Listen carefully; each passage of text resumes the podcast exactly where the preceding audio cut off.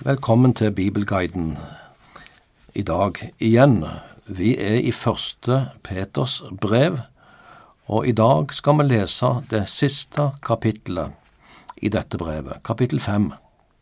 Vi har tidligere sagt at første Peters brev har ofte blitt kalt det kristne håps høysang. En kristen er gjenfødt til et levende håp, et håp som grunner seg på Jesu oppstandelse fra de døde. Og brevet begynner med en lovsang til Gud for at vi er gjenfødt til et levende håp ved Jesu Kristi oppstandelse ifra de døde. Et håp som når sin fullendelse når Jesus kommer igjen i herlighet. Brevet inneholder også formaninger til hvordan det kristne liv skal leves både i ekteskap, i heim, i menighet og samfunn. Og Jesus er her vårt store eksempel, ifølge første Peters brev. Peter skrev til kristne som opplevde forfølgelser på grunn av sin tro. Troen deres ble virkelig satt på prøve og brevet gir god veiledning og sjelesorg til enhver kristen som lider, og som opplever motgang og forfølgelse for sin tros skyld. Og i dette siste kapittel fram gir Peter noen formaninger til de som har en lederfunksjon i det kristne fellesskap, en eldstefunksjon i menigheten, om du vil. Han sier noe om ydmykhet i relasjoner mellom unge og eldre. Og her er òg en formaning til å stå imot djevelens listige angrep. Og til slutt har Peter et trøsteord til sine lesere. Nå leser vi de 14 versene i kapittel 5, før vi sier litt mer om temaene i dette kapitlet. De eldste blant dere formaner jeg som medeldste og vitne om Kristi lidelser, og som en som også har del i den herlighet som skal bli åpenbart. Vokt den Guds jord som er hos dere, idet dere har tilsyn med den. Ikke av tvang, men frivillig. Heller ikke for ussel vinnings skyld, men med ville hjerte. Heller ikke som herskere over menighetene som er betrodd dere, men slik at dere blir forbilder for jorden. Når så overhyrden åpenbarer seg, skal dere få ærens uvisnelige krans. Likeså skal dere unge underordne dere under de eldre, og dere alle må ikle dere ydmykhet mot hverandre. For Gud står de stolte imot, men de ydmyke gir han nåde. Ydmyk dere derfor under Guds veldige hånd, for at han kan opphøye dere i sin tid, og kast all deres bekymring på ham, for han har omsorg for dere. Vær edrue, våk, deres motstander djevelen går omkring som en brølende løve og søker noen han kan oppsluke. Stå ham imot, faste i troen. For dere vet jo at brødrene deres rundt om i verden må gå igjennom de samme lidelsene. Men all nådes Gud som har kalt dere til sin evige herlighet i Kristus Jesus. Etter en kort tids lidelse, han skal dyktiggjøre, stadfeste, styrke og grunnfeste dere. Ham tilhører makten i all evighet. Amen. Med Silvanus, den trofaste bror, det holder jeg ham for, skriver jeg kort til dere for å formane og vitne at dette er Guds sanne nåde som dere står i. Menigheten i Babylon, som har utvalgt sammen med dere, sender dere sin hilsen. Likeså Markus, min sønn. Hils hverandre med kjærlighetskyss. Fred være med alle dere som er i Kristus.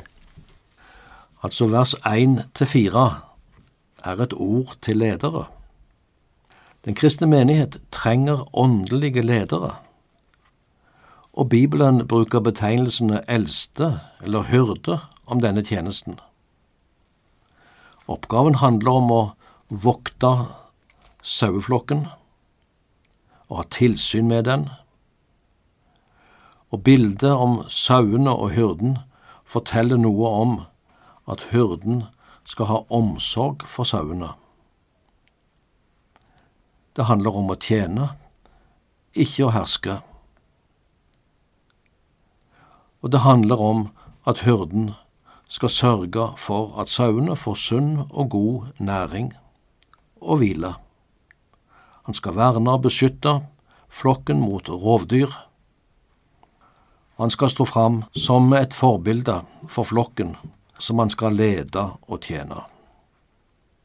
Salme 23 gir en levende og fin skildring av den gode hyrdes oppgave. Og det store forbildet i denne tjenesten er jo han som er over hyrden, vers 4, nemlig Jesus, som omtaler seg sjøl som den gode hyrde, jf. Johannes evangeliet kapittel 10 over hyrden. Han som har tjenersinn og omsorg for flokken. Dette sinn og denne omsorg skal prege enhver åndelig leder i de troendes forsamling. Og Peter presiserer at den som har denne tjenesten som eldste eller hyrde i Guds forsamling, skal utføre denne tjenesten ikke som en tvang, men frivillig. Heller ikke etter begjær om egen ussel vinning, men, som han sier, med et villig hjerte. Og fristelsen for åndelige ledere til å dominere og herske er nærliggende. Jesus ga sine disipler og enhver som har denne oppgaven som en åndelig leder i Guds forsamling, et eksempel på det sanne tjener sin, da han tok fram vaskefatet og vaska disiplenes føtter. Slik skal dere tjene. Vers 5-7 I disse versene bruker Peter ordet ydmykhet for å si noe om fellesskapet mellom de troende ikle dere ydmykhet mot hverandre. Og det er en formaning til alle. Selv om Peter i dette avsnittet nevner at de unge skal underordne seg de eldre. I et kristent fellesskap kan det så lett skje at det stolte og stridbare sinn får råd, også i relasjonen mellom unge og eldre og så vokser generasjonskløften. Vis ydmykhet mot hverandre. La omsorgen for hverandre få være den holdningen som preger fellesskapet. Men dette med ydmykhet og stolthet setter Peter òg inn i en annen relasjon, nemlig relasjonen overfor Gud. Gud står de stolte imot, men de ydmyke gir han nåde. Og nåde får bare den som ydmyker seg. Når Gud ydmyker oss under sin veldige hånd. Å ydmyke seg under Guds veldige hånd handler også om å overgi seg, å gi Gud rett, og overlate sin sak til Herren. Og det handler òg rett og slett om å kaste all sin bekymring på ham. Vers 7. Hvorfor det? Jo, for han har omsorg for dere. Han bryr seg. Han vil ta hånd om deg. Det gjaldt de kristne som Peter skrev til den gang, forfulgte med bekymringer både for dagen og framtiden. Peter skrev til kristne som helt sikkert grua seg og var bekymra for framtida. Vi har våre bekymringer. Kast de på Herren. Han har omsorg for deg. Og vers åtte og ni. Peter har enda en formaning før han avslutter dette brevet. En formaning om åndelig beredskap. Husk at dere har en fiende, djevelen Satan. Noen ganger kommer han som en brølende løver. Lett å kjenne igjen. Andre ganger kommer han som en lysets engel. Ikke så lett å kjenne igjen. Vær edrue og vær på vakt.